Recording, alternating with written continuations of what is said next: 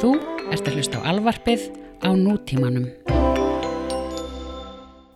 Ásta, við giftum okkur. Að þú veist hvernig það fer. Við hefjum nýtt líf.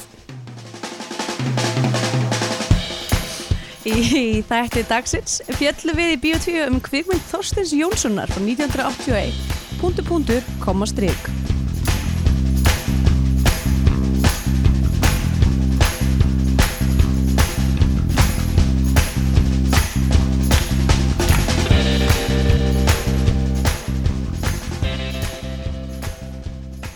Verið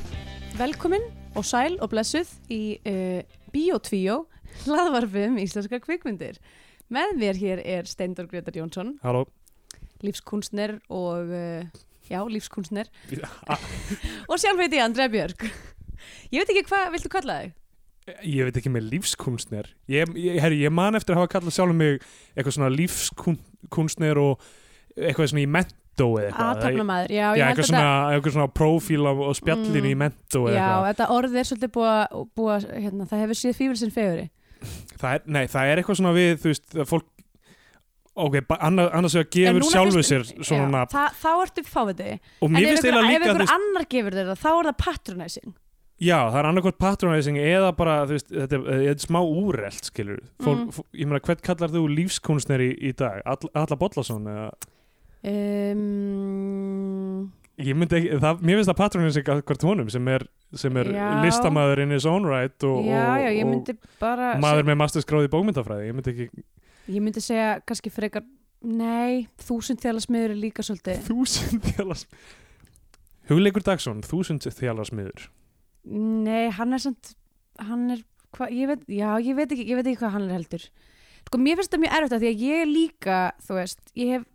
Ég er, ég er, með, ég hef unni sem sakfræðingur Og núna vinn ég, og, sérst, og, og líka Svo söðlaði ég um Og fór í, hérna, hönnun En, sko, að því, að því það er svo mikið af, af mér sem þetta brandsis af hönnun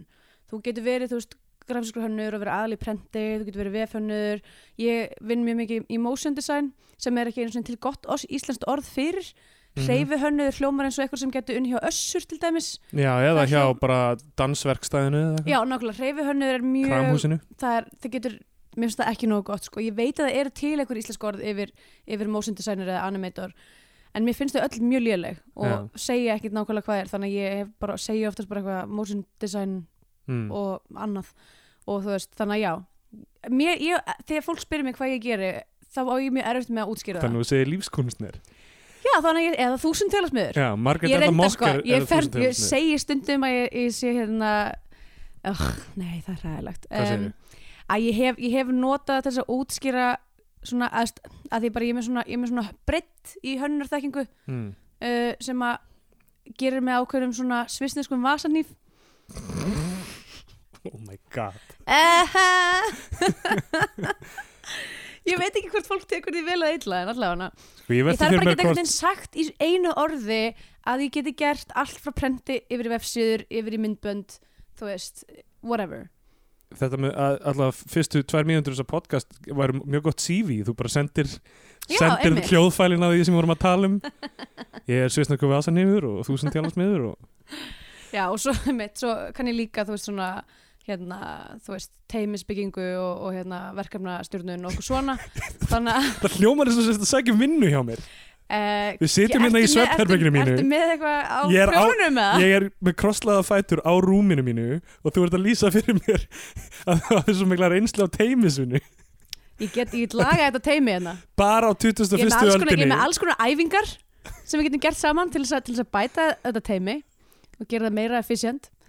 bara, þú bara nefnir bara, þú veist, við getum bara hérna, við getum bara gert þetta part af podcastinu að, að taka smá svona, ég get tekið, þú, eins og þú varst með ástaflegið, get ég verið svona eitthvað tips í eh, teambuilding segðu við félagaðinn, þið þykir væntum hann eins og dag ok, ef, ef þetta er í fyrst sinn eh, sem kæri hlustandi sem þú hlustar á þetta podcast ég byrðist afsökunar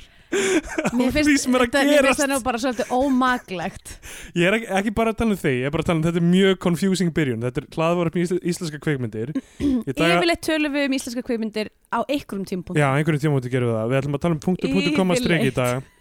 og, og margir hafa verið að spyrja um það en það er ekki alltaf nöðsynlegt að hafa hlusta á myndina ég held að þú veist, hlusta á myndina horta á myndina á, guð. stundum dugur, ef þú ert- ef þú ert- ef þú ert bara að horfa ef þú ert að horfa á mynd sem til dæmis ekki hljóð á þá, dug, þá þarf, þarftu ekki að hlusta á myndina en að, já, sem sagt eh, já, ef það er silent film bara já, emmitt Um, en alltaf já, þú- maður mað þarf ekki að hafa sér punkt- punktur, punktur, komma, strík til að hafa gaman af þessum þætti, ég held að það muni oft eiga við um það er bara svona ef, ef þú ætlar þér að sjá myndina þá, þú veist já, um, en uh, eh, já, herru, ég, ég veldi fyrir þetta fyrir mér í þessu samhengi og áðurum við höldum áfram þá langar mig að segja hvað hafa smiðir að gera við fleiri en svona eina, tvær þjálir sko, að því, en samt líka út af því að sko, þúsund þjálismiður er náttúrulega bara eitthvað sem að kann alls konar en þjálir eru ekkert eitthvað mjög, eða, þú veist, ég meina ein þjöl er ekkert eitthvað mjög langt frá annari þjöl í, þú veist eh, mark and make, bara hérna, þú veist, er ekki bara hver einasti smiður þúsund þjálismiður já, sko, ef hann hefur gert eitthvað ég meina, myndir þú, myndir þú ráða þú veist, þú ert alltaf að gera eitthvað heima hjá þér myndir þú ráða hundrað þjala smið já, ég held að myndi döga sem hefur bara, þú veist, ég, ég býst við það í smiðsnámi, þú veist til sveinsprófs, þau eru að minnstakosta snerta þúsund þjalir, þannig að þúsund þjál sko ok, ég sé, ok, þjálir það er breytt, það er grófleiki lengd mögulega já. og svo hvort það er eitthvað svona kurva eitthvað en svona ég meina, concave eða hver svona ónæg- þjöl er ólík hinn næstu þannig að þú veist, ef þú ert að leggja parkett í einu húsi, þá ertu strax komið með svona 200 þjalir að minnstakosti þú ert að tala um fjalir sko hvað eru þjalir? Jesus Christ fjöl er svona eins og nagla þjöl Ah, já! þús, þúsund fjala smiður þetta er mjög gott þetta er mjög gott En, Hér- byrju, en, já, ég meina, en, ok, en samt, ok, samt, hvað ert að fara að gera, þú veist, já, ok, þannig að þú getur þá beitt mörgum þjölum, já já, þú getur beitt þúsund þúsund þjölum, Þjölum. en það er samt bara þjöl, skilur ég veit, Það er ekki, það er bara eitt verkfæri. já þúsund fjala smiður Þú það, er getur dálítið- verið þúsund þjala smiður, en ekki kunnað að hamar. það er rétt, það, það verður mjög vandralegt bara, ég er þúsund fjala smiður og bara, hvað viltu að ég nutti niður svona, ég er líka með sandpapír en ég er ekki með hamar eða, Kæst sandpapir sem þjöl. það er ekki þjöl sko. en það, já, það er að þúsund fjala smiður mögulega veit ekki hvernig sandpapír virkar Æ, ég meina, hann myndi vantilega bara vilja nota fínustu þjölina sína. Já, en eins og ég segi mismöndi breytt, mismöndi grófleiki Hver myndi svo eiga þúsund misvöldu þjali? Það var það sem ég var að reyna að segja allan tíma meðan þú hérst að við varum að tala um fjalir Allavega, ok, það sem ég ætlaði að segja með hérna, af því hún nefnir bara að hlusta á, sko m- og ég, ég eh, þekki Gilmore Girls ekkert rosalega vel Nei, ekki heldur. ég svona sá þetta út undan mér í gamla daga en það, það var verið að gefa út nýja Gilmore Girls þætti þegar ég ákveðna svona, svona á- ákveðin uh, upprisa Gilmore Girls í gangi núna Mm það er þáttur, alltaf því ég síðan þá hef ég hugsað, gæti þetta ekki verið útvarsþáttur af því að það sem er í gangi á Er bara- skjánum er bara bara tal, samtal já, já. bara tvær manneskjur að horfa hvora á aðra að tala saman, rosalega hratt Já. og gæti þetta ekki verið það sem við erum að gera núna ekki það, væri, það væri mjög gaman að hafa kameru Ertu hérna í að segja að við sefnarbygginu séum mínu og- Gilmore Girls Ísland um, uh, Nei, nei ég, Nei, ok, ég veit ekki, ég held að ég, En svona núna þegar ég er að hugsa um það, þá held ég að við mögulega ekki séð stakan þátt af Gilmore Girls nei ég, ég er pínu að tala út um rassinn á mér en ég hef séð þetta, ég hef séð nokkra þætti ég hef séð þetta eins út undan mér en ég hef aldrei séð eiginlega neitt það sem ég hugsaði þessu hefði ekki mátt koma til skila með bara hljóði Já, en ég meina þú veist, þegar Gilmore Girls kom út, þá var útvarp ekkert Fólk var ekki að hlusta á útvarp Mm, Já, meira en það er núna En þú mögulega. veist, það voru ekki einhver svona útvarsleikrit, það hafði verið svolítið látiðu já, Í nokkur, nokkura tugi ára, myndi ég segja já, allir það ekki Ætla, Toppur, hérna, útvarsleikritina hafi náðust bara eitthvað tíman í 50 sinu, sko bara Orson Welles Já, já, vel sko Já. En, uh, en já, þetta datt mér í hug þegar, þú sagðir- þegar ég sagði hlusta á mm Já, já, Oh boy. en, en já, ég samt, að ég veit ekki ég, ég, ég myndi segja bara við hlustundur að, að þú veist það er ekkert svo mikið sem að er hægt að spoila í íslenskum kvikmyndum þannig að þú veist, ég myndi bara Nei Þetta er ekki, þetta er ekki eins og og Christopher Nolan kvikmynd það sem, það sem er alltaf eitthvað svona í lokin sem er eitthvað þetta var allt saman draumur Mm. Já, eða, eða eða það, hann var þau voru- minnislaus allan tíman eða Einmitt, eitthvað eða þeir voru tvíburar eða já, uh, hvaða fleiri Kristoffer Nolan myndir getum við minnast Kristoffer Já. Nolan kemur ekkert svo mikið að Vestvöld nei, nei, nei, nei. Vi, við vorum að tala um Vest, Vestvöld og hérna um, Jonathan Nolan náttúrulega. Jonathan Nolan já, og konan hans og konan að Lisa Joy skrifa það uh, sem, Um, já, og ég, og ég, ég var sem sagt sko, við, við, fyrir nýja hlustendur við búum í Berlín bæði og vorum að koma núna aftur bara frá því eftir jól my side note mér finnst mjög skemmtilegt að þú segir alltaf við nýja hlustundur eins og það sé að hrúast inn ég er að vona það, ég er að vona punktu punktu koma strik muni, Verði- það verði verði allir bara br- hvað í brjóti fjandanum er það? blað í sögu okkar Já. þáttur númer sjö allavega, já Ég, ég vil ekki að, að hérna, svona mítológian bak við þetta podcast verði þú að flókin fyrir nýja hlustendur já, allt í lagi, allt í góði en verðlunni samt þá sem snúa aftur já, með einhverjum litlum- ef við fyrir að setja einhver svona easter egg já, svona Já. easter egg inn í þessu Mm. en uh, allavega, já, Westworld ég spændi gegnum þá þætti í svona, jóla binge-watchinu og ég fatta á svona fjórða þætti að mér fannst þetta ekkert mjög gaman og við einhvern veginn vorum of committed, ég og kærastan til að ekki klára þetta þetta er bara tíu þættir Já. en að að í lokin þá þá ég, ég, þú Varstu veist, brjálaður? ég var ekki brjálar eða, þú veist, þetta, er alveg, þetta er alveg gott sko, málið er að allt sjónvarp er orðið svo gott núna er það bara öðvirum í, á gullöld sjónvarsins allt sjónvarp er gott núna allt er með f- rosa budget og allt er með leikar eins og Anthony Hopkins og Ed Harris einhverja svona, Ég Ég veit var ekki, ertu búin að kanónur. horfa á The Expanse? Mér finnst það ekki gott. ég hef ekki einu sinni heyrt um það Nei, það er nýtt, nýtt Netflix sci-fi sem að er, þú veist, einn af aðal karakterunum er alltaf með feturuhatt Nei, það, er, það er erfitt í geimnum. Ég er sko, ég er með svona quiet rage yfir þessu. wow. Allavega, við skulum ekki fara út í Expanse, ég er bara að segja, lélegir þættir eru ennþá til. já, já, ég meina, ég, það er það sem ég allt í hennu, þú veist, hef ég farið, farið átt að með á því af því að það var eitthvað svona upprís af, af svona gæða ein, einna klukkutíma, eins klukkutíma drama þáttum og, og svo allt í hennu bara svona eitthvað, þetta er ekkert allt gott, þetta er ekkert allt eitthvað f- þú veist, gæða sjónvarp þó að, það sé- þó að það sé rosalega mikil það er svo mikil þingsli yfir því öllu þetta er svo, Westworld, það er engin húmór í því Nei, og, það e er- og í rauninni einhver sem Nolan bræður gera en nokkuð tíman bara þú veist, þetta er ekki eins og lífið er þú veist, ef, ef, ok, Westworld fyrir þá sem þekki ekki og við ætlum ekki að spoila þessum þáttum Já, en þetta fjallar um svona síndarveru eða svona, svona uh, skemmtigarð það sem eru vélmenni með svona gerfigreind og, og eins og í vilt á vestrinu þannig að þú lappar hann inn og svo mæta þér bara fullt af kúrekum en þeir eru allir vélmenni og svo er- ferðu inn á, á, á saloon það sem er sjálfspilandi piano og þar eru vændiskonur en þar eru vélmenni og þú er bara að interakta við þau og þau, þau eru svo raunverulega að þú tekur ekki eftir mununum Já. hreinlega. og um, uh, þetta, er Ég gæ, fannst það. þetta, þetta, þetta er flott já. útlit á þessu sko basically bara fyrsta, fyrsti þátturinn að þetta er svona myndar bara einhvern heim byrja til einhvern heim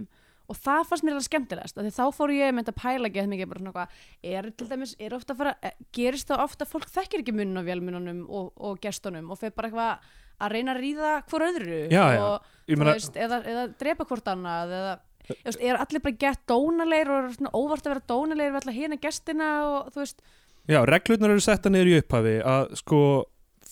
vélmennin geta ekki skada þig eða þau geta ekki drepið þig já þeir Og- geta upp að einhverju marki já, e- en geta, ekki, dre- þeir geta ekki drepið já, og, og, og það sem ég finnst confusing við þetta er ef þú rekst á bara einhvern annan gest getur þú ekki bara drepið hann nákvæmlega eða, eða nauðga honum eins og allir hann að fara inn þetta er svona kallmennsku dæmi að þú ferð hann inn bara til að skjóta fólk og nauðga Já, og þú ferð þarna og ferð vændiskonu og eitthvað og, og, og Já. eitthvað það, það, ég með þetta er sem og, Og það bara, eru- bara ríkt fólk líka sem Já. er þarna inni sem af það því að eru þetta er svo einhverja dýrt. konur sem koma inn í garðin uh, ég- það er þarna eitt, eitt söguþröð þar sem er einhver kona að gera eitthvað en hún er samt sko hennar svona kyngerfi er mjög karlægt já, já. það er ekki rosalega mikið dýft á þeim karakter hvort sem er, hún bara er að skjóta einhvern útlaga aðeins og Já, einmitt fá og þú mig ekki að kynnast henni Nei, nákvæmlega, fáum voldi kynstæni og þú veist, og svo veit maður ekkert, þú veist, eru þú veist, konundnar sem koma ánga eru þær að ríða gæjanum eða eru þær að ríða gælunum eða, þú veist, æ, ég veit ekki, það er allavega ekki mikið, miklu púðri eitt í það að sína kvenkinn sjónar með gests, nei, alls ekki e, raunar eiginlega engu og sko, ég velti fyrir mér líka klikkupæling kannski mm. en uh, ég fór strax að hugsa um all, alla þess að þú veist þurfa vélmennin að borða um, Er það að og- kúka? já, fara vélmennin á klósiti eru vélmennin, eða þú veist af því að þau eiga Það upp er vélmennin á túr já, já, ég meina, er það, er það stundum bara eitthvað hei, ég er ég, hérna Þú vændiskonan veist, á af því þessum að bar, ég, ég kannski- er á kannski túr núna einhver, eða eitthvað. einhver gestur sem að, þú veist, fílar gett mikið að ríða á túr þú veist, já, og, og er hann þá bara ekki að fara að fá sínum, sínum hérna, þú veist, draum fullnægt já, ég, ég er mjög ráðvelt, ráðveltur með þetta allt saman af því að líka þú veist, ég hugsaði, af hverju er þetta allt vestrið af hverju er ekki hann aður skemmt, annar skemmtigarðu við hliðina á sem er bara þú ert í, í nútímanum og, þú- það var þú ert alltaf þannig sko í gömlu myndunum já, já en sérst gamla vestvöld er byggt á kvikmynd frá eitthvað eitthvað 80 Já, sjö, eitthvað, já, ég held að 70 eitthvað, þetta er Mike- Michael Crichton já, Michael Crichton og hérna og hann sem sagt að þá, þá er sem sagt framhaldsmyndin heitir heldur Future World eða eitthvað líka já, ok, það er sem sagt í, í þessu, í gamla mythologíunni þá eru, þá eru fleiri þá eru já, já einhverju fjórir garðar eða Af eitthvað því að líka. hann ekkert allir að vera í vestrinu en, en, en sko, já, er Jurassic Park upprunalega partur af þessu? sko, eitthvað hefur komið fyrir Michael Crichton í æsku sem gera hann mjög hrættan við skemmtigarða af því að eða mjög Þetta er- spenntan fyrir já, skemmtigarðin skemmtigarðar sem bíla er það sem Eða það sem hann gerir sitt lífið hann fyrir það treytar í, sko Nei, samt ekki, það var ekki skemmtigarður í 13th Warrior já, ekki heldur í IR mm. en ok, hérna, ok, pælingi mínu er sem sagt, það er einhver, af því að við sjáum annars vegar, sjáum við öll Er þessi IR vélmenni, samt ekki sem í skemmtigarður? það er skemmtigarður fyrir, fyrir George Clooney sem er svovandi hjá öllum hjúkunum Uh, og sömum sjúklingum já, þa- já, ég man ekki nógu vel eftir þessu en hérna uh, já, sem sagt, við sjáum annars vegar vélmennin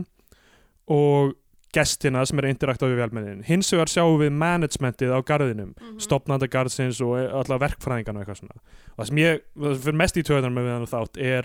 að þetta er eitthvað svona fantasíu gerfigreindar pælinga í anda Blade Runner en þátturinn fjallar nánast engöngu um innanhús pólitík stjórnenda þáttarins stjórnenda garðin, garðsins Já, uh, þannig að hérna, allavega, en það sem ég er að pæli þeir sem eru að hanna þessi vélmenni þeir eru að hanna bara tippi og píkur vélmennana og þeir eru bara skinn sepa og, og, hérna, og skinnhólur það var ekki, það var ekki sepi, skinn En er skinn flipi, Flip skinn flipi og skinnhólur Já og, og hérna og þeir ljóta að vera að En það pæli lítur að vera bara svona klíniska nálgunin þeirra Þeir eru ekkert eitthvað svona Er jú reyndar samt? Já, af því að þetta á að vera eitthvað, þú veist, þetta á að vera eitthvað svona partís aðalega fyrir gauðra til að koma inn og bara eitthvað að ríða öllu sér heifist og skjóta allt sem er í kring og eitthvað, Mm. skjóta hlutin sem þú reyðist og skjóta hlutin fyrst og ríðum svo eða eitthvað, þetta er, þú veist, þetta er pa- greinlega Það pælingin eru, það eru, það eru þrýr, þrýr möguleikar og þú getur gert það í hvaða röð sem þú Já. vilt algjörlega þetta er algjör, algjör draumaland bara eins og, eins og Grand Theft Auto eða eitthvað það sem að byrjaði leikin alltaf að keira yfir fullt af fólki þetta maður var leiður á því Mm. en alltaf, hérna, Mhm. Ég var alltaf að keira í sjóin bara já, Það já segir kannski svolítið mikið um mig meiri segja bara í draumaheiminum þínum uh, Það var ég bara að drepa mig já Já, Þetta var alltaf dark En þú veist, það er einhverja sem er að hanna bara eitthvað breytt og vít leggangna og, og, og, og tippa skinn flipa og, og Já, skinn já. hóla og, uh, og þú veist og kynkföt vélmennina já. uh, eru kvenkis vélmennina, eru vændiskonunnar eru það með já alvöru eins og til kvenkis dæmis- ég- ég- kynkföt ég- Er til dæmis sumar af þeim bara, þú veist ekki að njóta kynlífs Já, já, ég hugsaði, þú veist, líklega er þú veist, ok, þau fá einhverja Af því að velliðin og bara svona, þú eitthvað veist, statistikli þá eru ekkert allar konur sem njóta kynlífs Nei, nei, og, og, og Sumar já, geta já, bara fengið snýpsfullnæðingu og sumar geta bara fengið leggangafullnæðingu þú veist, alls konar svona ég, mér þetta er gaman að vita Já, ég veit, og, þú veist, og það kemur einhver gaurarni inn sem er bara, að nú ætla ég að svo hérna einhverju vestvöldvændiskonu er, er held, heldur hann að hún geti fengið fullnægingu reynir hann að gera eitthvað sem henni líkar eða er hann bara að svala eigin fyrstum og er kynlíf ég eitthvað held að það skemmtilegt fari nú bara eftir gestinum sko. Já, já, en er kynlíf eitthvað skemmtilegt þegar þú veist, þú veist, er þetta ekki bara eins og þú veist, upplásin dúkka ef, ef, meira eins og vendiskona því að það er náttúrulega, Já, já, kannski eins þú og veist það er mjög mikil af svona, það er mikil öðrun sem á sér stað í þeim gera Þetta eru spurningar sem vakna strax í fyrsta þætti því ég horfa á þetta Já, já. og þeim er aldrei svarað bara grefi, fleiri spurningar í hverjum þætti þannig að þú komið ofmarga spurningar og heilnaðir springur ég, ég, meina, ég, nema, þú sett velmenni ég, hérna, ég var allan tíman að hugsa bara, þú veist, hvað hvernig virka, virka þessi hluti hvernig virka píkurnar hvernig á virka vélmennunum? píkunar hvernig virka píkur eitthvað svona, klárar að horfa á fyrsta þættin leggst upp í rúm, byltir þér hvernig virka píkunar, hvernig virka píkunar vaknar þvalur ég skil ekki hvernig þær virka þetta var, var þetta ekki svolítið svona Jú, akkurat þetta er nokkurn Já. veginn hvernig síðustu dagar hafa verið hjá mér og allavega þetta ég, er ekkert að minka Bara s- spurningarnar Nú er ég byrjaður að- hlaðast upp. ég byrjar að hl- hrópa þetta hérna út í, út í uh, ljósvagan í gegnum þetta podcast hvernig vestvöld píkunar virka og maður sér aldrei maður sér aldrei konu uh, raunverulega alvöru konur í það kalkis velmenni í garðinum nei, það er ekki þannig að það er ekki einu sinni ég vel, fá þeir það of fljótt ná þeir honum stundum ekki upp öruglega, öruglega fullt af því sko en eru, vélmenni, eru kalkis velmenni með einhverja furðulega kinks segja þeir výrt hluti því konurnar á meðan já, ég eru þeir eins og ég er það spýrast Ég nefnilega veit ekki sko, ef ég myndi fara í svona garð, ég veit ekki hvort að þetta er það sem ég myndi gera. Nei, ég bara ég, ég, Mögulega það já, ástæðan fyrir það svona lítið af kvenkinsgestum sem eru að fara og, og hérna, ríða drepa og, og hérna, what have you, út af því að, að, því að konur einhvern veginn nálgast oft kynlíf á annan hátt, já, meira svona sem, sem tilfinninga og sambands... mér finnst þetta líka pínun og móðgat ekki eitthvað kallmennum að allir kallmenn fara þarna inn og þau byrja bara að vil ég ríða eitthvað- velmennum Já, mitt. Vist, ég veit ekki hvernig mér liði með það þú veist, sérstaklega fólk er að fara inn stundum þú veist, eru pör að fara inn og það er talað um það á einum tímapunktunum kannski, eitthvað svona já, þú veist að pör sér oft stundum með svona að fara saman og, Já. og hérna já, já, ég meni, ég getur svona síðan að það sé kannski eitthvað, þú veist, þú ert komin í þú veist, búin að vera mjög lengi í sambandi og leiðist frekar mikið og þú veist, þú vilt ekki vera að koma með aðra mannskil í sambandi en vélmenn er eitthvað nýlagi Nákvæmlega, getur ekki skráðið á Asli Mattisson eins og allt annað fólk og... já, eins og Bjarni Ben Bjarni Ben myndi öruglega fara í Vestvöld ég held það, hann á peningana í það og hann líka er öruglega með eitthvað algjör, hann er pottitt með eitthvað kábófantasíður, sko alveg 100% sko hann, á, Oh, hann boy. áreglega eitthvað svona köplótt klútasapn faliðin í skáp sko, ég þarf að veðja allavega hann með við sko sumar af skýrtunum og jökkunum sem hann er, sem hann er að vinna mjög mikið með köplótt stöf sko Ok, ég, Og- hérna, mér finnst alltaf skemmtilega svona Íslendingar sem eru með svona cowboy look Mér finnst hann þessi- er líka með kjálkan og allt Já, hann er með, og rammana, hann er með mjög stóra hendur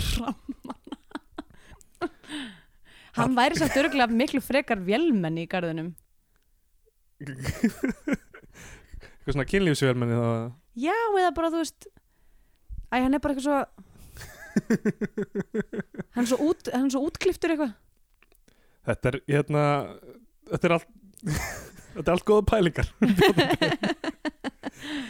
En já, ég, þetta er, þetta er, þú veist, ég er svo sem, að því að, út af því að það er svo mikið af hvern velmennum sem eru með, sem eru með arkir,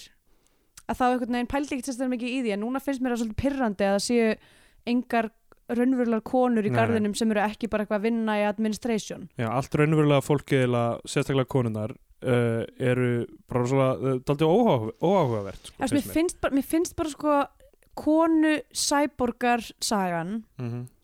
er bara svolítið mikið notuð eiginlega bara of mikið notuð og það, það er bara svo mikið svona þú veist, það er rosa mikið búið að skrifa um þetta bara í heimsbyggi og, og svona bara í greining og vís, vísindaskáldskapa því að þú veist, þetta er bara svo ógslega gamalt mótíf eitthvað svona, þú veist, maður býr til konu uh, og svo verður hún fær hún persónuleika og þá hefur hann ekki áhuga á hann lengur og, eða, Mhm. eða þá hún verður eitthvað svona þú veist, bara eins og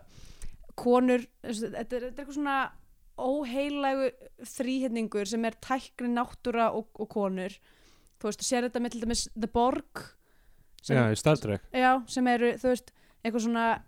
bioorganic tækni hæfmænd sem að er, og, og þeir eru með drottninguna já, sem að, og þú veist, þetta er eitthvað svona allt sem að karlmenn eru hrættir við konur, náttúran og tæknin snúist gegn þeim já, ég skítrættir alla daga Já, en þú veist, þetta er bara og svo sama er upp á teiningnum í Battlestar Galactica sem ég elska en þú veist, þar er vonda cyborg konan já, já, sem er að nota fegurð sína til þess að klekja á, á góðu köllunum eitthvað, þetta er, alltaf, þetta er bara svo Já. eitthvað, sama hversu vel ú, svona, þú veist, útfært þetta er, þá er þetta í grunninn viðfangssaga þetta er saga viðfangs já, já. þetta er ekki, þetta er ak- ekki aktífir protagonistar eins og maður myndi En segja. þau, þær eru það og þær eru oftast, að be- oftast er, er, þeir, þeirra ark er bara eitthvað svona þær að berjast við að vera viðfang og þær vil ekki vera viðfang Já, eða vilja já. þær kannski vera viðfang eða eitthvað svo leið Já, þú meina það, ok, já, en hérna, þú veist, það er líka í þessu og sama Já. með marga aðra HBO þætti eins og Game of Thrones að nauðgun er alltaf einhvern veginn svona aðalkvatin, já hjá konum. eins bara eins og He- þú veist, nau- nauðgun er ástæðan fyrir það eru, það eru alltaf bara s- fórnalamb mm og þurfa að hefna sín fyrir það eða díla við það já, já, og það, það er aldrei, þú veist, það hafa aldrei persónuleika mikið út fyrir það, það er alltaf bara Þess, þetta er, þú veist, að veit ekki, mér finnst þetta það ekki eitthvað markirar þær mega,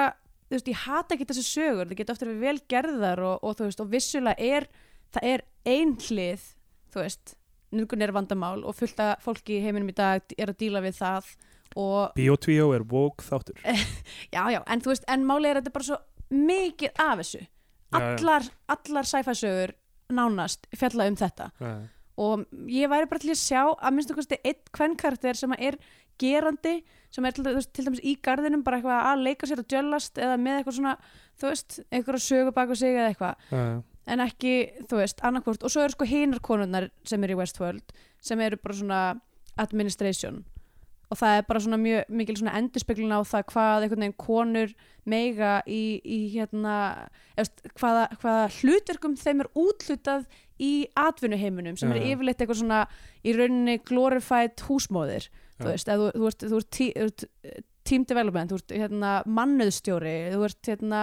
þú ert út í bókaldinu það er allt eitthvað svona hlutverk sem að, sem að, sem að eh, samfélagi getur sætt sig við að konur gera af því það, af því það er eitthvað grunnur fyrir því á heimilinu Já, já.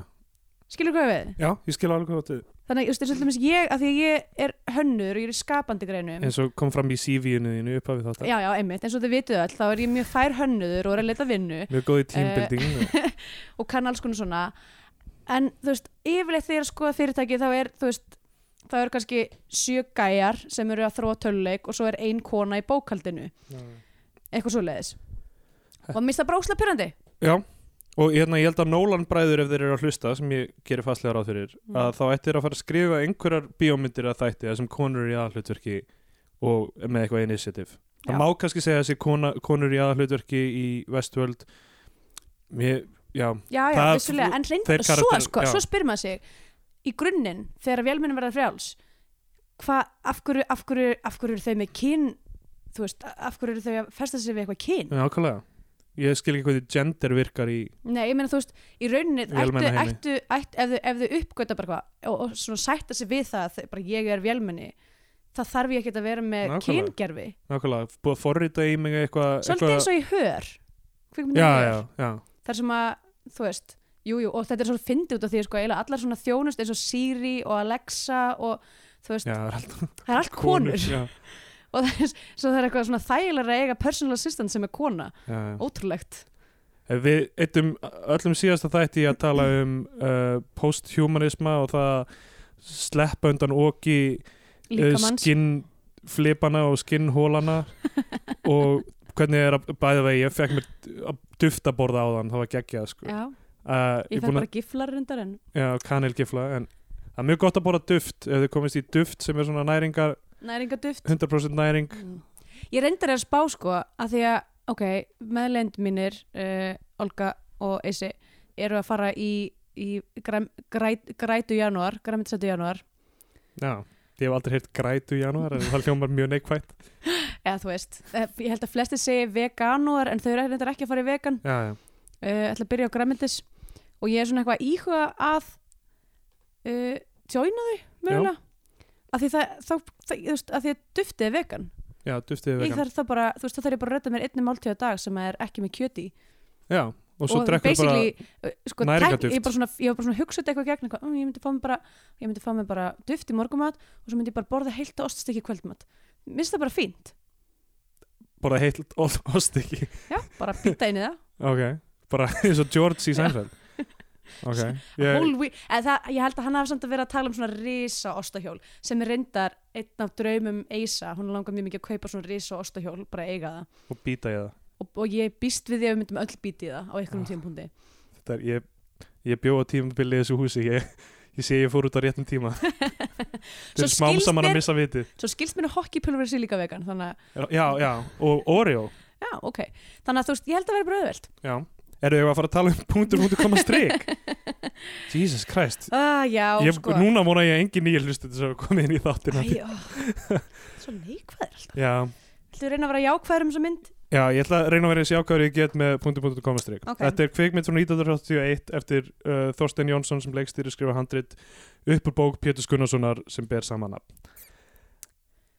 Já. um, Já, ok, rey, ok Fyrst segðu allir jákvæð hlutina og svo Ok. getum við byrjað að tala um myndina Vá, ok, herru Ég hef mjög fátt gott að segja um Ah. þessa mynd Andri er aðalpersonan ég fattaði ekki fyrir hann í kredilistanum að hann héti Andri Það var ekkit sérstaklega mikið eitt tíma í exposition nei, nei, þú veist, ég meina sem Eða er- bara ég- kynning já, á karakterum. ki- eða bara þegar einhver yrði á þá með nafni Já. eða, þú veist, ég meina kannski kom það fram en það bara fór fram hjá mér allavega uh, Já, sko, ég þurfti að horfa þrísu sem að byrjurina til þess að skilja hvað var að gerast já, Ég vil bara fara aðeins gegnum Ok. það Myndin byrjar á því að það er maður sem að kemur á, hö- úr, á, höf, hann er á höfninni og er með svona, þú veist, sjóara sekk á bakinu og eitthvað og hann lappar frá borginni, eða sérst inn í borgina uh, frá höfninni og lappar rakleðis inn í Bernhöftsbakari og er, er þar í svona tvær sekundur kemur út með konu á öxlinni og he- bara lappar með konuna á öxlinni í burtu e, e, það er ekkert engin útskýringu þessum tímpúndi og svo koma þau sérst heim til hennar og hann er, hún á öxlinna honum og allt flott bara og maður heldur þú veist, ok, þetta er eitthvað svona romantist hann er að koma af sjó og þau eru að fara að ríða gett mikið, nei, nei nei, hún byrjar að taka til og hann er eitthvað svona vandræðilegur bara eitthvað svona að skoða, þú veist, horfnum glugga og eitthvað og svo fyrir hún að búið til kakó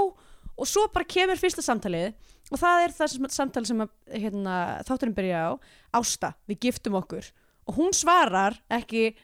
eitthvað, þú veist já eða nei eða ásti mín eða eitthvað, þú veist hvernig það fer og það kemur bara þögg síðan og svo segir hann aftur við hefjum nýtt líf og svo bara byrja bara title screen Já, title screen og, og, kemur bara punktu punktu gomba strik tónlist, Valger Guðjónsson og The, Beatles. út af einhverju einu bítlalagi sem þau Já, hafa ég- örugleiki borgað sko, fyrir Mér grunaði það svo sem, en samt sko þegar tónlistin byrjaði í myndinni og þetta var alltaf eitthvað svona eitthvað svona ógustlega grinli eitthvað svona fiðlu tónlist og Já, eitthvað já. svona, eitthvað svona tríó sem er eitthvað umlandi ég var bara, "Var þetta bíl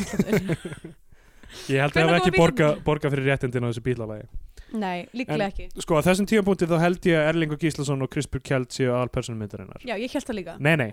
við förum beint inn í badnaamæli, sem, það sem börnin eru eins og það bara sé 1920 eða eitthvað og þau eru í,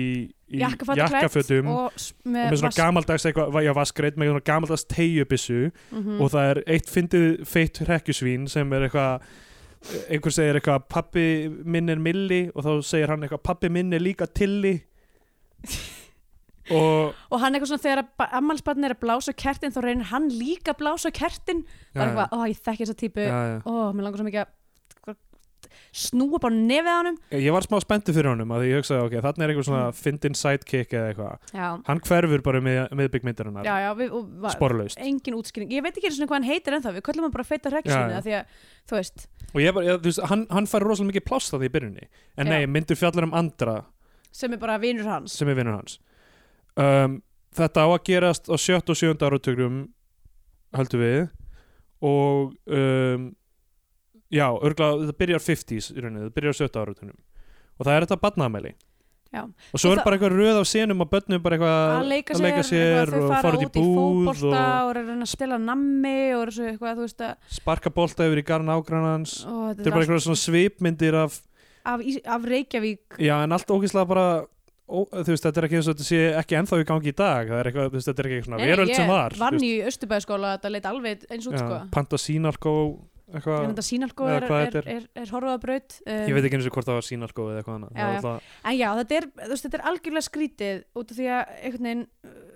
það virðist ekki vera neitt sögutræður Nei, nei og svo kemur hann þarna og ég skrifaði nýra mínútu átján bara, já ok, núna er kannski að fara að koma svo- ég held núna Já, ég skrifaði líka mínútu átján Mínútu átján bara var bara hvað hva er, er, er núna að byrja Já, sögurþráður? sko, upp að mínútu átján er bara eitthvað, kannski er þetta bara mjög langt eitthvað svona tilhlaup inn í eitthvað Já, já, sem á að vera að útskýra eitthvað og svo held ég á mínútu átján að það væri að fara að gerast eitthvað sem að, þú veist, það kom eitthvað svona samtal þar sem ég held eitthvað svona, ah já ok núna, er, núna er sögutræðurinn að fara að byrja Og þau- Nei, á þeim tímapunkti þá sem þau kom í ljós að Elenga Gísla sem vinnur á, á Keflavíku flugulli eða sem sjá hernum, þau fara að sjá eitthvað USO sjó, það sem er bara einhver töframæður að skera höndina sinni í tvend og eitthvað að rekja afastráksins, eitthvað uh, missa niður um sér buksunar, eitthvað allt rúsa fyndið og svo um, er eitthvað samtal sem á sér staða það sem uh, ég held að það hafi verið Sigur Karlsson leikarinn sem eitthvað, heyrðu, já, það er að bjóðast hérna uh, félag sem er að taka við allir stafsemminu á vellinum eitthvað, Mhm. vilt þú ekki fara að vinna fyrir ok- okkur í því og þá er eitthvað svona smá, það sem hjónin eru eitthvað svona að ræða um siðferði stríðs og eitthvað hvort það sé réttmætt að hagnast á Mm. Á stríði, stríðsrekstri. og, og, og Sigur Karlsson er eitthvað, það kemur nú stríð eftir þetta stríð, mannskefnan er nú svo vittlaus eða eitthvað Mhm. Og svo- það, og, og, það verður ekkert úr því Já, síðan svo eitthvað svona fara þau að rífast eitthvað inn í bílunum eða eitthvað þau eru komin heim Já. um eitthvað hvað, því að hann vill flytja upp á völl og hún vill ekki gera það og ég var svona, á ok, kannski er þetta, þú veist, kannski er sögurþræðin þannig að þú veist, við flytja upp á beysið og við sjáum, við sjáum, þú veist, breytingar í íslensku þjóðfélagi gegnum augu barnsins, eitthvað svoleiðis. Já, já. Nei, svo bara er það rivildi búið það er bara og þá, þá, þá fer bara strákurinn í sveitina. Já, öll, öll, þessi, öll þessi ferð upp á beysið skipti engum máli í sögurþræðinum eða Nei. neitt. um, Við gæt- ættum kannski bara að klára örk fóreldrana bara nú, nú þegar Já, af því að hún eiginlega gerist fyrir aftan og það eru sko, ef Já. maður ef maður myndi, ef maður myndi kötta niður sér undan það sem fólkarnir eru og eru, að, þú veist, þeirra sögu þá myndi örgulega vera svona tvær mínútur já, já. Þau fara hann að rífast aðeins svo kemur í ljós uh, miklu setna í myndinni að, að pappin er að halda framhjá sem sagt, með einhverjum rítara sínum eða Já. eitthvað. og svo skilja þau Já, basically, en það er svona, þú veist, hans karakter er málaður upp sem bara frekar svona hann er bara frekar mikil fáviti ja, mikil durgur eins og þarna það, það, það, það er einhver ein, e- bara eitt af fyrstu samtömmunum sem hann er í fyrir utan þetta fáránlega byrjunarsamtala Já. ja. þar sem hann byður hann um að gifta sér og hún segir þú veist nú hvernig það fer bæðu ef einhver, ef einhver mun einhver tíma hann byður mig um að gifta sér þá ætla ég að svara þessu svona þú veist nú hvernig það þú fer veist nú hvernig það fer en, en hann er eitthvað uh, krakkin kemur inn og segir eitthvað Já. svona eitthvað, eitthvað, mér hlakkar svo til nei, hann segir ég hlakka ég, svo til ég hlaka svo til og þá segir, leiðir þetta í pappin og bara eitthvað, nei, það er mig hlaka svo til og þá segir mamman eitthvað, nei, það er ég hlaka svo til og þá segir hann bara eitthvað, ertu fáviti kerling eða eitthvað líka þú veist, Þetta var mjög skrítið dæmi og Ertu það hafði ekkert að biluð? gera með neitt heldur nema bara, nema bara seg, sín okkur það að þessi pappi er fáviti, Já, hann er bara fíbl og hérna, og ég kemst upp með það ok Þú veist, enda, enda náttúrulega byrjar myndin á því að hann lappar eins og hann eigi heiminn inn í Bernhöftsbakari og grípur afgræslukoruna og fer með hana á öxlinni Eins og einhver hellisbúi Já, nákvæmlega, hann er greinlega bara á að vera eitthvað svona algjör hellisbúi Ég skrifaði aftur uh, svona 25 mínútur inn í mynd þá vissi ég aftur ekkert um hvað hann væri Nei, Og það er tímabúturinn það sem, það sem við fylgjumst með daglegu lífi í sveitin andra, nei, í skólanum Já. af því að fyrst fer hann í austurbæjaskóla já, og það er bara eitthvað já, já. þau að rekja kennaran og svo er bara eitthvað svona þú veist, kennarinn er að kenna þeim og við fáum bara að sitja inn í kennslustundi í smá Já, stund hann er eitthvað svona að beða fólk um að koma upp á töflu og sína sér hvað löndin eru Já, Svo sest hann á kennarabólu Sk- og já. svo bílar bjallan í skólanum og þau fyrir Já, fríminútur það er eitthvað heilengi að gera við Hann- bjölluna og svo, þú veist, eitthvað fær, fær, fær sér kók í tíma Já, og, og þá segir hann eitthvað, kennarinn tekur kókið á honum eitthvað, banna að vera með kók og hann er eitthvað, "Nei, en þetta er spur Ok, og svo gerist það sem ég finnst eiginlega finnast í þessin mynd, það er að bóman, hljóðbóman hún bara fer inn í ramma og erðar í svona tvær mínútur bara Í sveiplandi um í kennslustofunni. kennslustofunni bóman er bara þarna hangandi og ég er bara eitthvað, er engir að sjá þetta sem er að gera þessa mynd, er engir að sjá að það er bara bóman í mynd heil lengi og, ég hún myndi- er á hreyfingu bara og þú veist hún er á reyfingu, hún er að f- f- bara hristast til þarna og þetta er ekki eins og hún sé bara kjurð þarna, hún er að, þú veist, hún, hún dregur augað að sér allan, og þetta gerist nokkru sinum, setna þegar hann er orðin unglingur, þá dettur Bóman inn aftur, þú veist, og ég myndi segja að Bóman sé eins og í Sex and the City er New York ein af aðalpersonunum, þá er Bóman ein ein af aðalpersonunum í punktu Já. punktu koma streik. uh, Bóman er uh, Já Alltaf því ég sá hann, hún datt inn í sveitinni líka og ég var bara eitthvað, ei Bóman! Bóman, henni Bóman fór líki sveit Hver hefði haldið að Bóman væri bara á næsta bæ? Nákvæmlega, þetta var rosalegt Allavega, og ok, þarna er sem sagt, þetta er ég farin að halda Þetta er bara batnamynd, ég er að miskilja Þetta er batnamynd sem Já. heitir punktu punktu komastrik og við erum að horfa á hana og við heldum að þetta veri þú veist, mynd fyrir alla aldurshópa eða fullorins Já, Nei, nei, það sem gerist næst að eftir þið er búin að vera í skólanum er að strákanir Andri og Feitarhekkjusvinnið skoða klámljósmynd bara það sem kallmaður liggur á bakinu kona situr ón á honum Nei, það, nei, hún lá á okkur borði og hann var, stóð ok, kannski, ok, þá hún Ok, var á þeir- hlið já, þeir- hún Þeir var á voru hlið sko alltaf að snúa myndinni sko. Já, þeir voru alltaf að snúa Hvernig á henni. þetta að snúa? ég var auðvitað bara að Þú nutta varst mér bara- augun af, Þú varst bara líka eitthvað, hvernig á þetta að snúa? Já. Já. ég náttúrulega veit ekki hvernig þessi hluti virka ég hef heyrt að skinnflipin fara inn í skinnpokan, það er það eina sem ég veit Skinnpokan, það er ekki skinnhólan skinnhóluna, jú þetta er brandar úr síðast það fyrir það sem Það sem ekki fyrir alltaf nýju hlustendur sem eru búin að slökva Já. ok, þetta er bara einhver klámljós bara explicit klámljósmynd og, og þeir By the way, já. ekkert útskýrt hvernig hann fær ljósmyndina eða bókina nei, nei. Og, og, já, nema, og, þá, nema þá pappin hafi gefið henni það gefið honum það það var Já, samt- kannski. Nei, það, hann hefur kannski fundið þetta bara hei, inni hjá pappa sínum eða eitthvað já, og svo fyrir hann eitthvað að ræða einhvern veginn hvernig maður stundar kynlíf í einhverjum detail já, af því þið voru sett með ljósmynd og svo voru það líka með bók sem að var grannleikur svona eh, leiðarvísir ástarinnar og þeir fara að lesa upp eitthvað svona hvernig maður á að, að stunda samfarir og það sem er fyrst, fyrst á dagskrá í þessari, þessum leiðavísi til þess að stunda samfærir er það að karlmaðurinn verður alltaf að fara fyrst úr að ofan uh, svo að því það er ekkert upp fárlegt og maður í engum buksum uh, sem er bera neðan og jakkafutum á ofan já, sem er er hárrétt. svo sem bara alveg rétt og ma- hefði alveg mátt vera í minni kynfræðslu, finnst mér að því að, þú veist, ef ég hefði vitað að þetta væri prerequisite, þá hefði ég örgulega ekki stundar svona mikið kynlíf um æfina. já, þetta er örgulega forritaðin í Westworld vélmennin Já, eitthvað, alltaf fyrst úr, alltaf fyrir, fyrst- fyrir og ofan eh, fyrst í nærbuksunar, svo sokkana svo buksunar, svo jakkan já. eins og í, eh, þetta var í Pípsjó Já, það var í þetta var pípsjó Pípsjó kvot og, Um. og, og mikilvægt sko en reyndar sko, þegar ég horfði að pípsjó þá, og hann var að segja þetta, sem sagt David Mitchell eitthvað hérna, socks before trousers but never socks before pants makes a man look scary like a giant chicken þá sá ég bara fyrir mér David Mitchell berina neðan, já, það var það eina sem ég fekk út af því sem var ekkert endilega það sem ég vildi Góð, góðu svona nefnmæltur heimur sem þú gerir þetta, þetta var svona daldið eins og hann já, Allavega, um, ok, eftir þetta þetta er mi- mitt celebrity impression bara David Mitchell Eftir þetta þá gerist eitthvað weird þar sem strákurinn fjúeld af því að hafa skoðað þessa klámynd já, fyrir finnur einhverja litla stelpu af því að þau eru eitthvað bæði svona kannski 8-10 eða 8, Já. 10 ára kannski hún er auðvitað yngra en hann, hún er sko. örglega yngri og hún stelpar eitthvað má ég prófa hjólið þitt og strákurinn segir ég skal lofa þér að hjóla ef ég má sjá í þig Þetta er svo ógeðslu setning Þarna er bara eitthvað, ok, þetta er, þetta er ekki barnamynd, ég skil Sko ef einhver myndi koma upp að mér á djafinu og segja má ég sjá í þig þá myndi ég halda þetta væri svona gal, svona, þú veist, eins og hérna s- sjónvarsmorðingin Sjónvarsmorðingin Æ, íslenski, hérna beilaði Já, mannskinn sem, já, að- já, sem, Bjarni setti- Bernherður Var sem það setti ekki hann, sjónvarp inn í, inn í fordalami sitt Já, já, já, sem var í ykkur geðrófi eða eitthvað Já, einmitt Já. Ég myndi halda að það væri meiningin við má ég sjá í þig Það var það ekki Má ég sjá, ég, ég, ef ég má sjá í þig Oj. Og svo faraði inn í einhvern skúr Hún gerði niður um sig Og hann horfir á hana Og bara starir á Hann píkur er hennar í smá kvumsi, stund hann er er hvumsi. kvumsi Og segir eitthvað Pappi var ekki að ljúga Eða eitthvað, eða pappi var að ljúga eða eitthvað Ég heyrði það ekki af því að, af því að bóman var alltaf langt frá Hún þurfti að vera inn í mynd Hún var ekki Akkur Ó, áfum Æ, Bóman fekk ekki að sjá píkuna Bóman átti að vera inn í myndan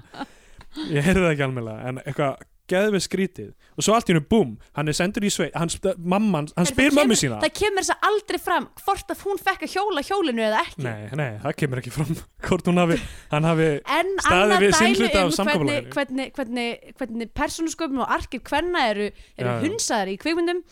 herru, já, svo, Fekk hún að hjóla eða ekki Óþálandi svo sko stelpan er eitthvað traumatisera fyrir lífstíð yfir, yfir þessu Ég verið dæmi að hafa sínt þessu píkuna og ekki fengið að hjóla en ákvæmlega, hugsa sér Hver þú er búin þekkir að gera það? samning Ég segi það, það var, þetta, var, þetta var eh, samningur bara, þú veist ég meina munlegi samningar er alveg gildir fyrir lögum algjörlega, og okay, strákurinn spyr mömmu, eh, mömmu sína hvað eru samfarir og hún segir bara eitthvað, þú lærir það í sveitinni búm, strákurinn er sendur í sveit strákurinn er komin út í sveit Andri er eitthvað í sveit og það er allt það, eitthvað, það, allt sveitafólki er bara eitthvað "Hö, þetta er nú meira að borga barnið já, eitthvað það er ekkert sem skiptir máli sem gerist í sveitinni Nefnum Eh, bara að það eru allir að ríða í sveitum það er allir að ríða þar eða þú veist,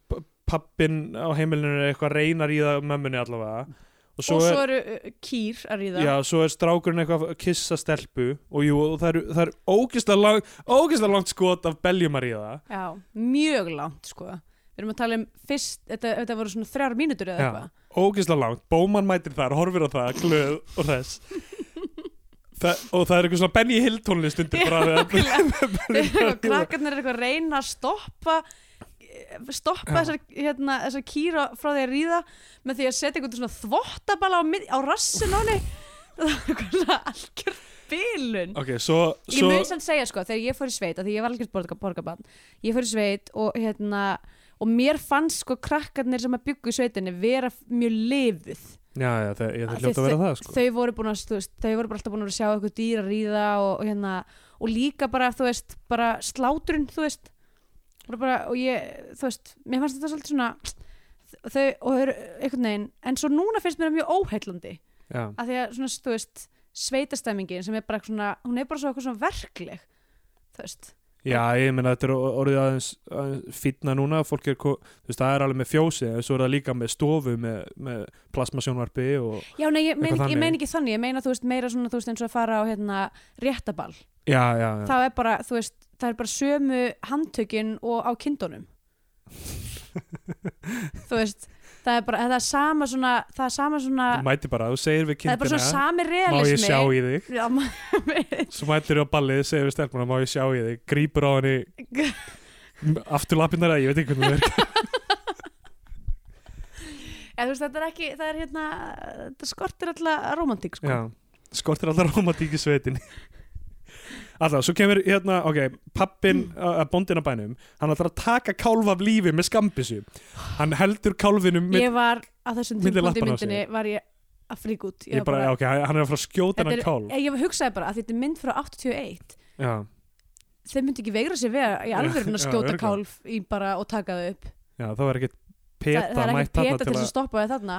og, sig, og líka, það var reyndar eitt sem var bara svona, svona glimps inn í ykkur svona fallega heimsbyggi sem að var þarna þeir voru fyrir að fylgjast með því að meðan hann var að fara að skjóta kálfin og Andri, aðalsegur persóna segir hérna eitthvað svona, hann er ekkert að horfi í kringum sig og meðan hann getur um kálfin, af því að kálfurinn er bara eitthvað styrlar hræðslu, bundin við eitthvað hann er, trukk hann er ekki að njóta hann síðustu er ekki að andartaka njóta síðustu andadráttarinn með því að horfa yfir Jesus fallegu sveitina og, njó, og anda að sér sveita loftinu og þefa af blómunum þessi mynd er svo skrítin og hún verður skrítnari sko. já, já, þetta ok, er og ekki kál, búið hann, enn, hann, sko. hann, kálfurinn sleppur og það er svona mjög komist atriða sem bóndin dettur, skýtur over dekki á traktornum og það eitthvað fyrir loftur því og eitthvað, Já. þetta er allt mér fyndið svo kemur einhver þingmaður á bæinn já, og það er gett mikið þingmaður að koma eitthvað, og eitthvað, svo, að, eitthvað, við verðum að gera svo- kaffi og þið verða að fara að berga þessu kvígu þarna og já, eitthvað svo er eitthvað samtal milli þingmannsins og bóndan sem er, bóndin er eitthvað ég krefst uppbyggingar hérna í sveitinni og þingmaðurinn eitthvað, "Nei, nei, hvað hérna fáður sjús eitthvað, eitthvað." og það er ekkit, það er ekkit í Það þessu er samtali og það engin- hefur ekkit að gera þetta eru personur sem er ekki í neinu aðalutverki nei, og hefur ekkert að gera með framönduna eða neitt algjörlega ósk, Ok. okay. þetta er, þessi mynd er bara eins og svipmyndir eitthvað svona, svipmyndir úr mjög leiðilegu lífi man, Já. man, eða þú veist, bara svona, þú veist venjulegu lífi mannesku já bara einmitt eitthvað, Af hverju að gera bíómynd? Við erum fer í öll að upplifa þetta. sveitina. við erum Þú öll að lána stelpum hjólið okkar til þess að geta sér píkuna þeirra. Við- hver hefur ekki lána stelpu hjólið sig til þess að sjá ég veit ekki hversu mörg hjóli ég hef fengið lánið yfir æfina sko. en nákvæmlega, þú, þú ert bara með ég safn hef af aldrei hjólum þurft að kaupa og mér skila hjól þeim. sko. en alltaf, búm, allt í hennu er hann orðin unglingur, andri orðin unglingur allt í hennu, ég var lengi að fa- fatta það ó, já, einmitt þetta væri hann beint eftir sveitina, hann er unglingur Mhm. hann heimsækir eitthvað elli heimili já, uh, það var aldrei útskýrt af það var að- hverju hann var að gera það hann talaði við ykkur ömmu sína eða eitthvað aðeins mm það skiptir einhver máli Nei. svo fer hann til pappa síns á vin, vinnuna hann sér að pappi hans er að halda framhjá hann sér að hann er eitthvað að daðra við sko ekki bara er pappans að halda framhjá heldur er skrifstofan hans eiginlega freka kostuleg af því að það eru bara hangandi einhverja pin-ups og klámyndir bara upp á öllum veggjum á skrifstofun hans Já. Skrif, það er sem að fólk kemur og á yfir hann erindi heimtsölu skrifstofun hans bara eh, eh, hvers konar þú veist, hvers konar bara businessmaður er þetta? á þessum tímapunkti þá fattaði ég hvað þemað í myndinu var og í rauninni hvað sögurþránu var þetta var st- saga um hvernig strákur lærir hvað kynlíf er og hvernig hann fær síðan að ríða það er basically hvernig hann fær að setja skinn Tota. flipan sinn inn í skinnhóluna Hólu. það er, það er allt sem þessi mynd er það er bara eitthvað strákur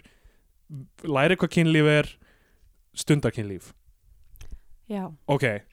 Ég nefnilega á þessum tímapunkti f- fekk líka aðra upplifun sem að ég held að myndin var um ok, sem er kannski,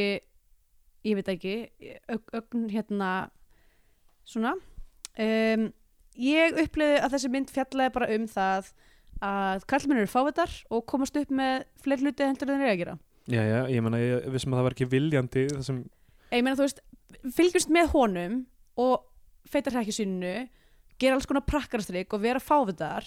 og komast upp með allt Já, og já. öllum er sama, það er bara eitthvað ha ha ha, þeir eru nú finnir strákanir, ha ha pappin er fáviti, kemst upp Mhm. með allt sem hann gerir þú veist, og, og það er engin lærdómur nei nei, það er, ég meina það er, það er ekkit- það er ekkit í gangi í þessari mynd nei, eða þú veist, það, en, en máli er bara, þetta er bara svona eitthvað, fyrir mig ég er bara svona þetta er þetta fucking shitty og, þú veist, og allar konurnar eru bara eitthvað svona þú veist, hafa bara sinn kross að bera sem er Já, bara já. karl, íslenski karlmenn þú veist Við verðum að taka Þú til veist, greina Bón, bóndakonan var alltaf að díla við eitthvað maðurinn var eitthvað mikill fáiði já, já. þú veist, Við verðum að taka til greina þarna að þessi mynd kemur út 1981 það var fáar íslenska kveimyndir við gerðar fyrir þetta mm, Þetta er mjög snemma í þetta er mjög vannþróið kveikmyndamenning á þessum tímapunkti já, og uh, það er ekkert hægt að dæma þessa mynd með einhvern veginn á sama hátt og, og aðra íslenska kveikmyndir annað en bara þú veist það er ekki þess virði eitthvað þetta er ekki eitthvað ok 1981 í bandaríkinum var að koma út þú veist eitthvað Blade Runner eða eitthvað, fyrst við vorum að tala um það ég man ekki hvað það var, 80 eða að Eh, ég meina, eitthvað Star Allavega. Wars kom úr 27 þannig að ég veit, já, já, ég meina þetta er, en þú veist, þetta er bara íslensk kvikmyndagerð er bara fáliðuð og erfitt á fjármagna og er, lítið á græjum og lítið þekking nóg að búma ek það var ekki búma var, það var engin skortur á búmunni En ok, þ- þarna er hann orðin unglingur Allt í hennu bara f- flash forward Ég var nógu lengi að þekka hvað, st- hvernig strákunum leit út sem strákur Núna þarf ég allt í hennu að Mm. vita hvernig hann leit út sem unglingur Allir unglingarnir eru eins klæddir unglingur Og þeir hanga í sjoppu, þar sem Flósi Ólafsson rekur sjoppuna Svo eru þeir með eitthvað heimapartí Spila á gítar, vanga, tvista Eitthvað já, Þetta er bara tilhugalíf ungra krakka í Reykjavík á þessu tíma já, um, og svo ógæslega mikið eitthvað í skólanum við þur- þurfum aftur að horfa á hann í mentaskóla og kennarinn þar er skrítin, hann er eitthvað prestur já, já það hann er eitthvað að þegar tala um- einhverjum tímpúndi komaður með dildóin í bekkin og það, þú veist, það er ekkert útskýrt og svo kemur allt í einu, svo farið þeir upp, á sk- upp til skólastjórnum svo því að það náðist dildóin, já. það átt að skamma þá og þá var Kennedy skotin ok, það er hilarious atrið skólastjórinn er að tala í símar við konuna sína hann er að kvarta yfir því að byrja bara, nei, við getum ekki haft það í matinn í kvöld, við höfum það alltaf í matinn og hann er að kvarta yfir að konuna sín eldi alltaf saman matinn og, þá, se- og, og, og hún segir eitthvað, hann er eitthvað ha, ragú þá er hún að stinga upp að þið hafi ragú í staðin fyrir það sem hann hefur venjulega hann er eitthvað, nei, það er eitthvað og framandi eða eitthvað, whatever, hann Ugh. skýtur það niður Sælu típa. og, þá, og segir en annar það- kallmaðurinn sem er, já. með, er með koninu sinni hérna krossabera Já, já, og svo, þá segir hann Nei, þá vil ég frekar blóðmör eins og venjulega Svo konan hans er alltaf með blóðmör í matinn Og, ok, svo ganga strákarnir inn Og hann skammar þá fyrir að hafa verið með einhver dildó í tíma mm Svo allt í hennu þannig að bara að hætta því Af því að það er tilkynnt í útverfinu að Kennedy hafi verið skotin Og allir hljó- hljó- hlaupa og hlusta á það í útverfinu og, hann Og segir það er sagt að þessi þrýr byssumenn já, mér fannst það mjög áhugavert en meni, allir það hafi ekki verið bara það sem var í fyrsta þú veist, Ég er fyrstu forvitin, atrinu í, sko. já, því, ja, þú veist Nema að Þorsteinn Jónsson sé þarna að reyna að koma sinni eigin samsætkenningu inn í myndina Bara svona undir rós en, meni, er það samt ekki líklara þú veist við hefum nú öll sétt JFK við vitum alveg að það er lone, lone gunman theory er, er algjör steipa Algjörlega, við erum Vogue podcast já, já Við trúum á samstæðiskenningar En- um, Uh, en já, það var mjög gott líka að touch þessum það sem hann var eitthvað, hvað verður um Jacqueline og börnin ég, bara, ég get ekki það sem er í gangi í þessari mynd sko. Svo er eitthvað gæða og svo skrítið bara, svo er það búið eitthvað gæða skrítið dæmi þar sem þau eru að horfa á bíómynd og strákurinn er sjálfur í bíómyndinni Já, hann hafði sko, þannig að þegar fór í beysi í byrjuninni Já. þá hafði hann séð þessa bíómynd Já. nema þá voru bara einhverjir bandarski Já, já. leikara það sem að mér fannst mjög aðtöðurvert við, við þetta skot, þetta er svona skot af einhverjum karlmanni sem er að bera hérna að því virðist uh, rænulösa konu upp að einhverjum tröppum og kissa hana já, og svo sér hann þessa mynd aftur þegar hann er úlingur og er sérst með stelpu á deiti sem hann er hrifin af uh, og þá er hann búin að svona eða eitthvað svona draum sín þar sem hann er búin að setja sig inn í hlutverk mannsinn sem er að bera rænleisa konu og kissa hana síðan sorry, þetta er hrikalegt já, já. þetta er uh, öll myndi hann þetta er, bara, dreymir um, að- um, um, að- um að fara að kela við ykkur konu sem er meðundalaus þetta er bara allt eitthvað strákur that's að- rape, jó já, þetta er bara eitthvað strákur að finna til náttúru sinnar á þess að nokkuð tíman eitthvað interakta við konur á eitthvað merkingafullan hát Heip. þetta er hræðilegt hvar Ok. er Krispjör Kjeld? já, Kristbjörg hún vildi ekki svara því, hvað er samfærið? þetta er allt hann að kenna já, þetta er móðurinn að kenna, það er alltaf þannig. alltaf móðurinn að kenna, Og nei svo- samt í elurinni ef hún hefði nú kannski alveg hann upp til þess að virða konur þá væri hann ekki svona mikil fáviði Hva- hei, ábyrðir líka á Erlingi Gíslasinni já, ó, já, og það er já, mitt, ég var náttúrulega bara búin að skrifa hann út já, sko. hann, er, hann er ekki að sína virðingu gagvart konum Ok, Alls þau- ok, ekki. svo skilja þau þarna eftir börn þetta. hafa, hérna, hvað, hvað segir maður það sem fyrir þeim er haft sko, ok, svo er það atriðið það sem hann er búin að finna sér stelpu hann er komin heim til hennar mm og hún segir fóreldri minn er ekki heima setur á bítlalag og maður er bara eitthvað, eru þið að fara að ríða? já, vegna þess að þau eru- nei, þá kemur bara einhver kettlingur kemur allt í einu kettlingur sem sem stelur að senunni stelu sinni og ég, hann er senu þjóðurmyndarinnar þetta var sinni þjóðmyndarinnar 100% eins vel og bómann stóð sig þá er, og ég reyndar sko, ok ke- sko, kettlingurinn var fannst mér uh, já, senu þjófurinn Mjög sætur en ég mun kettlingur. segja að Bóman hefði kannski verið best leikinn en þessi kettlingur var pínu lítið pínulítið kettlingur öruglega eitthvað meta metafor fyrir að hann sé pussy og, Já. og, og hann er búin að vera eldastu píkur getum allar við, minn getum við nokkuð fengið hérna Kristjánu inn til þess að gera hljóðið sem að hún gerði þegar hún sá kettlingin að ég veit hún gerði já, hljóð. hún, hún gerir alltaf já, ég já, gerði hún það horfði með mér á þessa mynd og bara blessunin, bara stóð sig eins og hetja að horfa á þessa mynd með mér ekki. og fa- rewardið er náttúrulega bara kettlingurinn sko. já, kettlingurinn er alveg, hann gerir það næstu þessu virði að horfa á þessa mynd, Næstum kettlingurinn því, og sko. bóman um, ok, hann fer út hann chickenar á, að- á að ríða henni Já. en svo lappar hann út, snýr við ringir aftur dýrabjöldunni og svo veit maður ekki ég held að þarna Að hafi hann þarna haf- fengið að bleita hann bleita skinnsokkin sinn með skinnpókanum skinn lauginni en fæk að brinna klár sinnum í lind hennar oh nei, Þetta- keldu, brinna klár sinnum í keldu hennar Jesus Christ, þetta er, þetta er ræðilegt Ég á veit ekki- þessum tíma sögunar Ég er að þá missa fekk, þá vitið, sko. fekk Andrea að brinna klár sinnum í keldu hennar um, hvað hétt hún, Margrét já, hún heit Margaret ok, svo eftir, faraði eftir smá Oh. kettlingaklapp og bítla svo ger, það er allt svo hræðilegt svo faraði út á land þau, Þau eru í einhverju skólaferð. skólaferð þau eru í kottaslag, ég er nokkuð við sem að Davíð Þór Jónsson sé í kottaslagnum en ég ég fann sá, það ekki í ég sá kreðlistanum hérna að hérna um, Haldur Geirhars er líka kreditu já, hún er kreditið líka ég sá ekki hvort Davíð Þór Jónsson var kreditaður en ég sá einhvern, sem- einhvern doppelgangar hans mm. þau fara í seljavallalaug Já. og ok, oh, þetta það sem gerist í seljavallalaug er að allir eru að busla og skemmta sér hann kennarinni er, alltaf, hann er alltaf að- að hérna eitthvað svona kaffæra kaffara Já. henni Ken, kennarin, já kennarin er dregin út, hann er kaffærður aðeins það er allir að stríða hverjum svo allt í hennu þegar allir er að yfirgefa laugina þá er eitthvað, hvar er Margrét? hvar er Margrét? eitt kennarin lítur ón í laugina sér Margréti á botni laugarinnar og stekkur út í svo kemur vítt skot af lauginni þar sem við sjáum bara eins og bara doppur í fjarlæð alla krak Já, já, krakkana einmitt. þar sem þeir eru að díla við og maður heyrir einhver óp þetta er ógeðslega langt og ví- skrítið skot og við veitum bara einhver sem heitir Margrét þó já, því að við vissum ekki á af þessum því að ég er tímpúndi nokkuð vissum að við höfum ekki fengið að vita að þessi kærasta hans heitir hét Margrét Margrét, nei það kom á engum tímpúndi það ég held ekki, ég held ekki að það við komið fram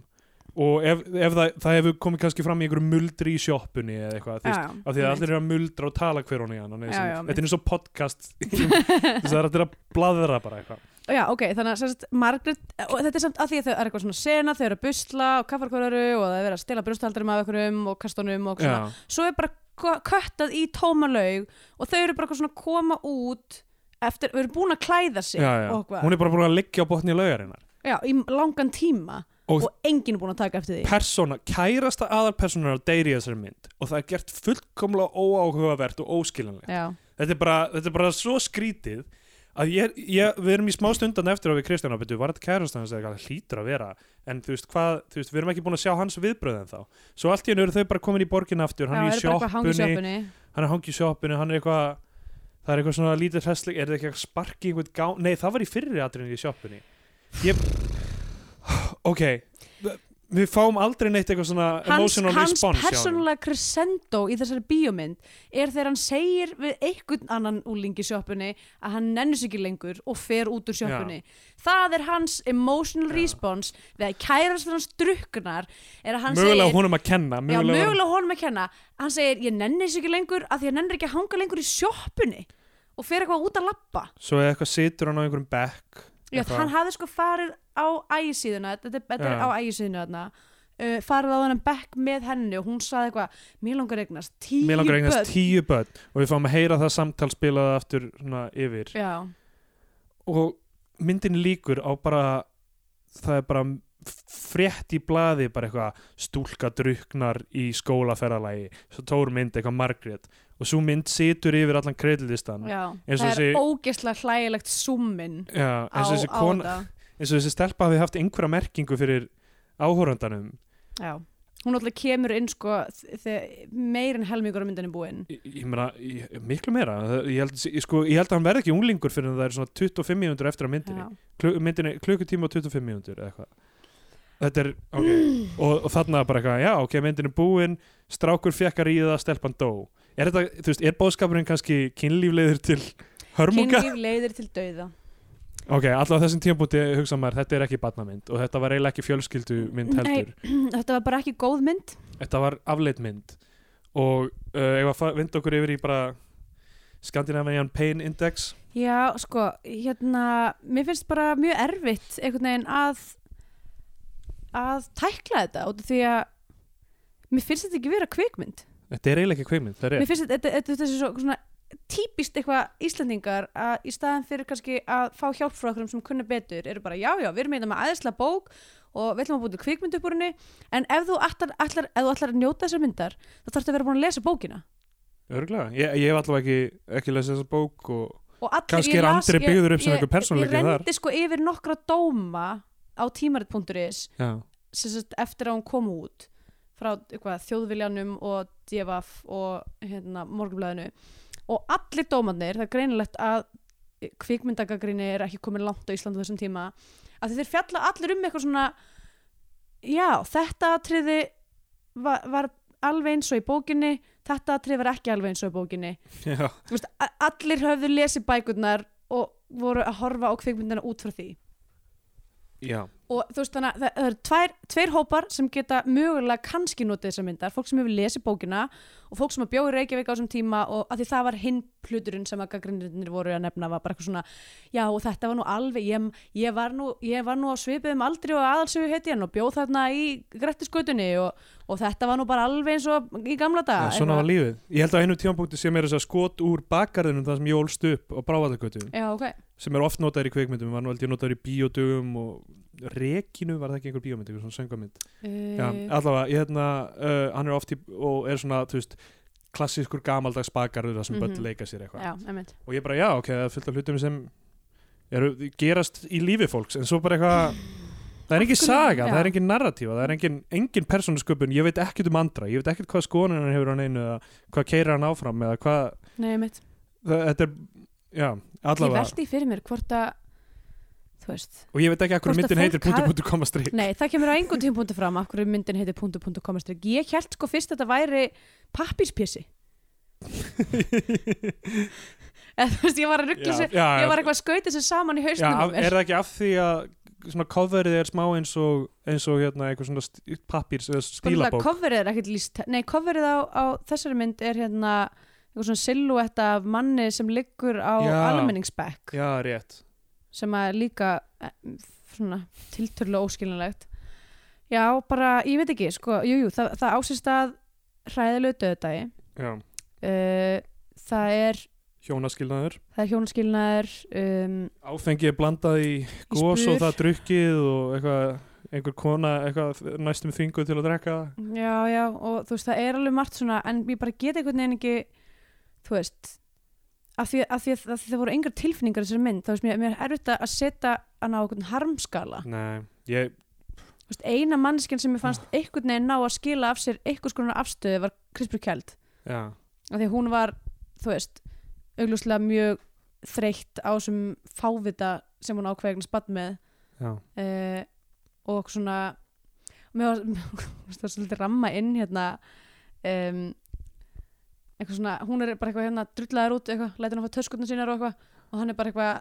þú getur ekki séð þetta frá mínu sjónarhorni eða eitthvað svona, eitthvað svona, er eitthvað svona uh, ég er umjulegu kallmaður og get bara séð hlutund frá mínu sjónarhorni þetta var bara svona, oh, oi, deyði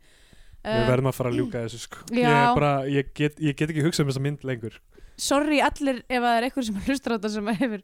þekkir eitthvað sem er kom nálætt þessu eða eitthvað þannig bara, mér finnst mjög leiðilegt að við séum að skýta yfir þessa mynd en Já, ég meina það- almáttugur, ma- það, það, Við vissum alltaf að þetta er einhverjar móðgun við tímamenn svona, Við vissum alltaf að einhverja svona eldri myndir eru eitthvað mess og þessi mynd er þess vegna algjör var svo mess gaman að horfa á Foxtrot Já, þess af því að vegna maður var, var ekki að búast við neinu já, þess vegna var svo geggja þegar bara, vá, vel gert kvikmynd fyrir þessum tíma sem er notabene bara að gera sjörum setna Já Allá, Scandinavian Pain Index, ég veit ekki Ég, ég, ég, Mm. ég ætla, gef- að segja, ég ætla að segja þrýr af átta drikk, drikkfældum föðurum já, já, ég segi bara eitthvað tvær af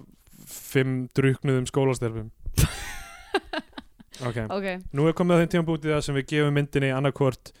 uh, við se- setjum, setjum henni í stall á flaggskipi íslenska kvikmynda uh, þar sem hún fær uh, umsögnina íslenski fáninn eða við segjum að maður hefði ekki átt að horfa á hana heldur frekar horfa á einhverja bandaríska vellu Hollywood mynd, Mm. þá fær hún bandaríski bjáninn já, þetta er kvarðin sem við notum og ég sé ekkert að honum já, það er flottur hvaði Nafn- flottur hvaði, það er að gera góða hluti Nafn podcastins er líka bíó og tvíó og annað af því er ekki orð en okkur er alveg saman um þessu hluti já og bara hérna ekkert vera Já, Bara ef ekki að- lók. ef að tala með þessa mynd mm. herri já, vilt þú byrja? Já, ég hef það að segja að, að mig grunaði að þessi mynd sem ég hef aldrei heyrt um og er rosalega gömul uh, áður en ég horfði á hana mig grunaði að hún er ekki góð en mig grunaði ekki að hún væri ekki kvikmynd í þeim skilningi orðsins að hún væri svona einhver narratífa já, sem make a sense hún er bara röð atvika sem gerast í lífi einhverjar mannesku sem verðast lítið koma að því að móta hana eða búa til neitt persónleika utan um hana um, hún er þessi, já, en aftur þessi myndi mjög gömul, ég hef ekki lesið bókina það á ekki að þýða neitt af því að það, hún hefur eiginlega engin, enga svona redeeming qualities, það er ekkert sem bætir upp það sem þessi mynd er og það er að þetta er mynd um strák sem vil bleita skinnflipa sinn í skinnhólu einhverja stelpu, hún er með skýtsama svo deyr hún þetta er, þetta er hræðilegt, bara ekki horfa á punkt, punkt, koma strik nema þið viljið sjá stórleik bómunar já, það er kjætling ég gef henni bandarinska bjánan og þá færðu það að segja þá fæ ég að segja frá einhverju bandarinski mynd sem, já, og mér langar að nefna kvikmynd sem kom út árinu áður í bandaríkunum já. og heitir 9 to 5 frá árinu 1980 er með Dolly Parton með Dolly Parton og lægið úr henni já, lægið er titilag og þetta er Dolly Parton, Lily Tomlin elskar Lili Tólmlin og uh, hérna og Jane Fonda wow, Vinna- what a vin- trio já, vinna hjá fyrirtæki trio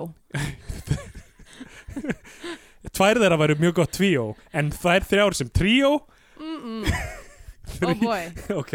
þær vinna fyrir uh, mjög umulan yfirmann sem er leikinn að Daphne Coleman mm. uh, hjá fyrirtæki og hann er sexist uh, byrju, ó, ég verða að ná frasanum rétt það er svo ógeðslega gott hann er allavega algjört svín og þær þurfa að í rauninni uh, það, hún kemur á óvart, ég ætla ekki að segja en þær eru að díla við erfiðan yfirmann sinn Mm og ég ætla ekki að segja hvernig, hvernig það atvikast af því að það kom á óvart en honum er líst sem sexist, egotistical, lying, hypocritical bigot Gæðvögt það er frasin sem er síendur tekin um hann í myndinni. Síðan tekið Já. Gæðvögt og þetta er mjög skemmtileg mynd hún Ég er fengi þetta soundbite og alltaf spila það þegar það kemur fyrir í þessum kjúmynd að þessi sem sé er sexist, sexist, egotistical, lying, hypocritical bigot Mhm. allavega mjög skemmtileg mynd og, og, og hérna, hún er f- feminisk og hún hefur með konur í Albersonum, hún stendst Bechtel-prófið sem ég er nokkuð við sem að punktu punktu komast við ekki gert Ger það ekki af því að eiginlega engar personur eru með nöfn Já, einmitt. að Það eru öll með nöfn En það er bara Nöfnin kom aldrei fram ok, alltaf bandarinski bjánir frá mér Já, uh, ég er bara 100% samanlegar þessi, ég reyndar að vera, ég var að hugsa sko því ég var að horfa á þessu myndi, ég var bara svona kannski þú veist, eins og bara eh, þú veist, í árda kvikmynda framlýslu, þú veist byrjun hérna 19. aldar nei 20. aldar, lók 19. aldar byrjun 20. aldar þá var rosa mikið verið að gera til dæmis lestamyndir svona lest að nálgast Já, skjáin af því að fólk var bara What? Lest? Wow! Bara eins og hún sé að koma til okkar eitthvað, þú veist, þau bara fannst bara mind blown Mhm. að það væri lest og þú Ég- veist, það voru ég- ekki já. mikið svona res- lestaránsmyndir og lestaferðalagsmyndir og alls konar lestamyndir, Þú veist, það var bara legit Mhm. sonra back in the day Þessi kvikmynd er svolítið þannig Mhm. að, að því leitinu til að hún er, hún er gerð fyrir Íslandinga og hún er ekki, það er engin söguþræður það er bara eitthvað svona nú erum við að fara að sína svipmyndir úr sveitinni og bænum og beisinu og, og hérna er alls konar fólk sem þið þekkið mögulega þú veist, það er það sem að fólk öruglega uppliði sem awesome við þessa mynd þegar hún kom út það var bara, algjörlega, heyrðu algjörlega. þarna er Gunna og þú veist, Ég, kaupmaðurinn já, og ég eitthvað svona hugsaði þetta líka, þetta er bara eitthvað sem ég hef upplifað ég hef keft gos já, einmitt, búð þetta er bara alveg eins Sparka og ég bolta yfir í gerði um garð. daginn ég var bara í þessum garði þarna fyrir nokkrum dögum eitthvað, Já. þú veist þannig að ég meina alveg eins og lestamyndir hafa fallið í gleimskunu dá þá hefur og ætti bara ætti punktu punktu komastrik að haldast í gleimskunu dái uh, að því að hún hefur ekkert fram á að færa sem kvikmynd nema þeir langi að- að skoða svipmyndir af miðbænum og sjá gömul andlit þá er þetta ekki mynd fyrir neitt sko Þannig að já, hún fær bandarskaprann fyrir mér líka. Ég mæla ekki með henni. okay. mælir með einhverju Hollywoodmynd í staðin Um, nú er ég að reyna að skauta í gegnum ég hefði svo sem átt að pæla þessu í gæra því ég vissi alveg að ég myndi að gefa henni bandarskapjónan. Um, það sem ég er búin að horfa á nýlega um, er bara til dæmis ég horfði á hérna ég horfði á kvikmyndina Kontakt já, um daginn og mér finnst hún ennþá mjög góð. ok er Ég það ekki hérna- Jodie Foster Uh, jú Og Eth- hérna- Ethan Hawke vil ég segja mm, Er ég- ég hef Matthew, Matthew ekki séð hann. McConaughey eða Ho- hey Þú veit, Ma- hvað segir maður Matthew McConaughey eða Matthew McConaughey Jodie Foster og Matthew McConaughey hey og James Woods, nei Ethan Hawke var í einhverju, einhverju, einhverju svipari mynd sem kom út sem, sem, það, myndir kom alltaf út í pörum já þetta er, þetta er, þetta er hérna þekkt dæmi sko. Já, eitthvað Armageddon og Deep Impact og Já, Ants og einmitt. Bugs Live og, kom ekki líka eitthvað svona þegar að The Abyss kom út kom eitthvað annað líka sem var mjög svipað já, En ég hérna- man eftir uh, það var uh, Volcano og, og, Og hérna Dante's Peak já einmitt uh, þetta er og einhvern veginn virðist þetta alltaf verið eitthvað svona uh, hamfaramyndir Já, en Líka... Því að svo líka kom líka sko San Andreas og einhver önnur líka sem var eitthvað fjallað um Jarskjáltamynd jarðskjálta. En svo er náttúrulega líka eins og hérna önnur Nolan mynd, The Prestige Já, og það Og kom The Illusionist. Illusionist sem kom á sama tíma. Uh, já, kontakt bara stendst tímans tönn ég, og hún alltaf, þú veist, byggð á, á sögu Carl Sagan sem að, þú veist, æ, ég veit ekki, kannski, kannski fannst mér bara nett að horfa á hana aftur mm -hmm. eftir að hafa verið mynd að bögga mig á þú veist, Westworld og allir þessum svona og ég var nýbúin að máta The Expanse og var bara eitthvað, fucking helvitis getur ekki, ykkur almennilegur gert sci-fi akkur fá allir þessi fucking lúðar að gera sci-fi þú veist, uh, hleypi nýju fólki að í guðana bænum Yep. það virðist alltaf bara að vera sama típan sem skrifa sci-fi og það er bara ógslag boring típa allavega, Carl Sagan er ekki svo típa og hann Mm. skrifaði æðslega sögu um, sem fjallar um konu sem er að díla við ógslag mikið að kallar mig til dæmis og hún er líka bara vísindamaður hún er með sína ein örk og þú veist og, og, og, þú veist, og hún til dæmis hennar karakter er ekki bara hennar kona það er líka rosa stór, stór partur af því er þú veist sambandennar við, við föðu sinn og þú veist, það er kannski svolítið klísukend en svo til dæmis líka það að hún sé trúlaus það var gett mikið stórt dæmi í myndinni er að hún var trúlaus og, veist, og hérna, bara svona einhvern veginn ókslega upplýfgandi að horfa á mynd sem að er ekki bara cut to size Eða Gekka, hvað sem við maður verðum að tjekka á henni segir. Kontakt, æðislega mynd, Sten Simonsson Herri, þetta var lengsti þáttur okkar frá upphafi um kveikmyndina punktur, punktur, koma, strik sem er 125 mínútur Nei, hún er það ekki, nei, Nei, hún er- nei, klukkutími og 25 mínútur klukkutíma og 25 mínútur þetta, var- við- þetta geti ná, við hefum nálægt í geta bara hort á myndina og Live. fjallað um hana Á meðan hún sama væri að tíma, gerast það er rétt. Já, Bíó 2 og þakka fyrir sig á þessu sinni Við erum tilfinningarlega búin á því eftir þetta Já, sendið okkur endilega eitthvað á, á Twitter, ég er at Steindur Gretar og ég er að söpgalsi sendið okkur einhverja, einhverja punkta við ætlum enn mitt að lesa upp e- eitt á Twitter en við gerum það bara í næsta þætti að þetta eru ógeðslega langt Já, ég er allt í lagi. Í góðu lagi. Uh, heil og sæl. Heil og sæl